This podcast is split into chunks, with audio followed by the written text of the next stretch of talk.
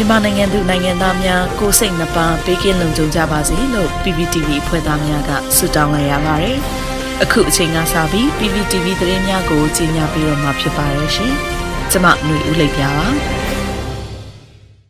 ပထမဆုံးအနေနဲ့ပြည်အောင်စုသမ္မတမြန်မာနိုင်ငံတော်အမျိုးသားညီညွတ်ရေးအစိုးရအဖွဲ့ပုံမှန်အစည်းအဝေးအမှတ်စဉ်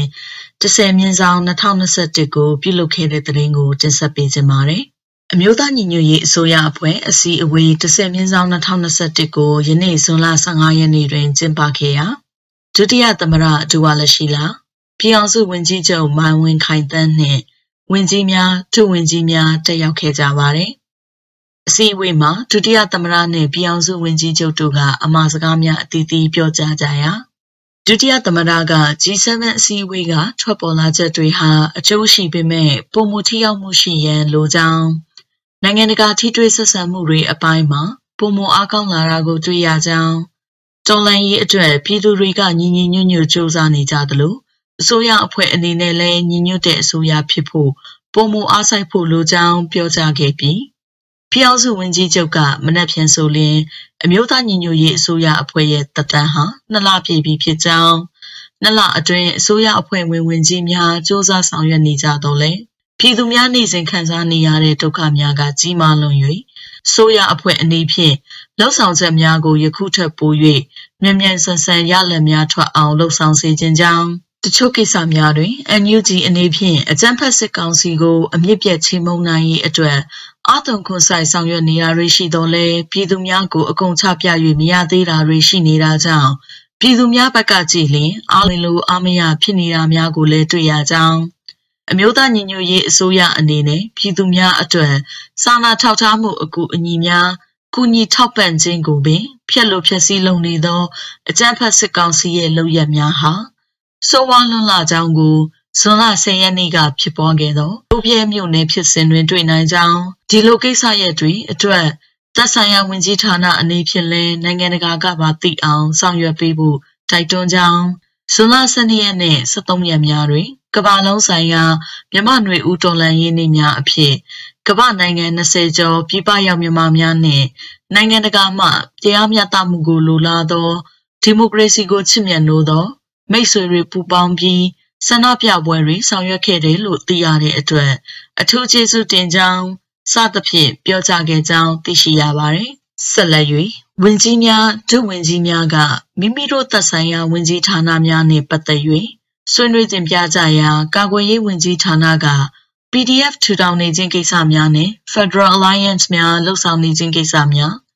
စီမံဘဏ္ဍာဝန်ကြီးဌာနမှပြည်သူ့ကျွေးမြီစီမံခန့်ခွဲသည့်ဥပဒေပြင်ဆင်ခြင်းကိစ္စတင်စာတာနှင့်တဘာဝပတ်ဝန်းကျင်ထိန်းသိမ်းရေးဝန်ကြီးဌာနမှ Federal တင်စာတာမူဝါဒရေးဆွဲရေးလုပ်ငန်းစဉ်များကိစ္စဆွေးနွေးကြပြီး လျှက်စင်နှင့်စွမ်းအင်ဝင်ကြီးဌာနနှင့်ဆက်သွယ်ရေးသတင်းအချက်အလက်နှင့်ဤပညာဝင်ကြီးဌာနများမှဝင်ကြီးဌာန logo နှင့်ဖွဲ့စည်းပုံများအားအသီးသီးတင်ပြခဲ့ကြကြောင်းသိရရှိပါရရှင်။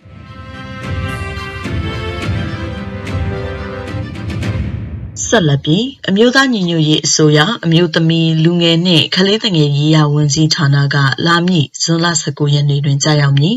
ပရိပခအတွင်လိန်အကြမ်းဖက်မှုပြောက်ပြောက်ရေးနိုင်ငံတကာနေ့အထိမ်းအမှတ်အဖြစ်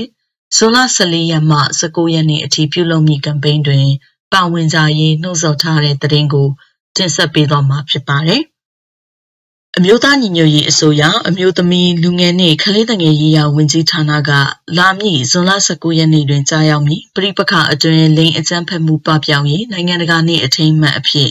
ဇွန်လ14ရက်မှ19ရက်နေ့အထိပြုလုပ်မည့်ကမ်ပိန်းတွင်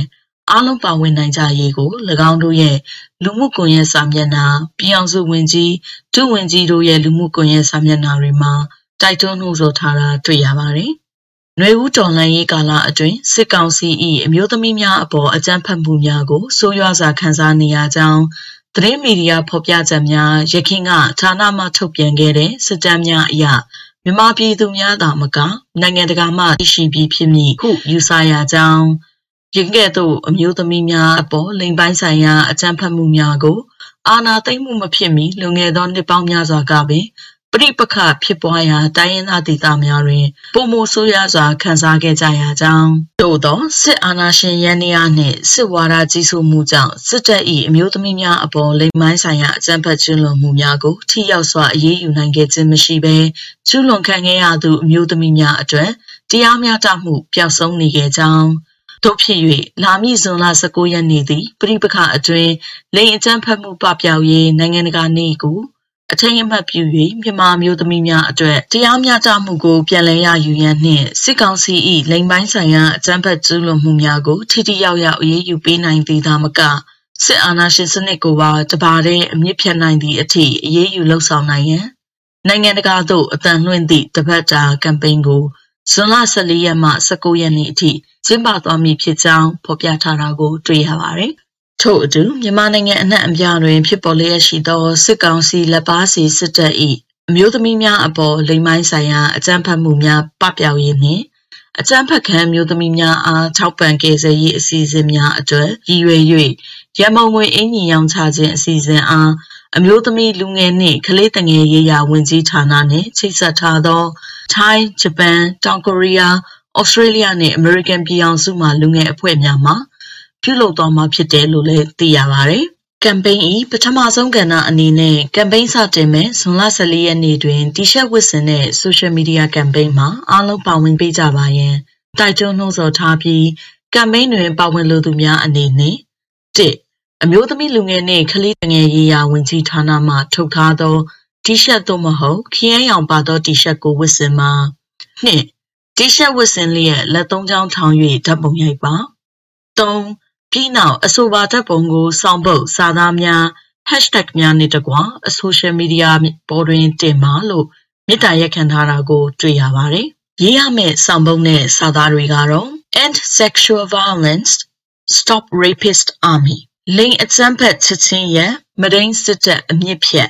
မြမပြည်အတွင်းဖက်စစ်စစ်တပ်၏လိင်အခြေပြုအကြမ်းဖက်မှုများအားလွန်ခဲ့သောနှစ်ပေါင်းများစွာကပင်ကျူးလွန်ခဲ့တော်လဲ၎င်းတို့သည်တရားစီရင်ရေးမှနှစ်ပေါင်းများစွာလွတ်မြောက်နေသည်ဤကဲ့သို့ကျူးလွန်နေမှုများအားနိုင်ငံတကာမှသိရှိပြီးအဆိုပါလိင်ရာဇဝတ်သားများအားထိရောက်စွာအရေးယူနိုင်ရန်တောင်းဆိုမှု၌တင်ကိုယ်တိုင်ပါဝင်လိုက်ပါ စတာတွေပဲဖြစ်ပါရဲ့ရှင်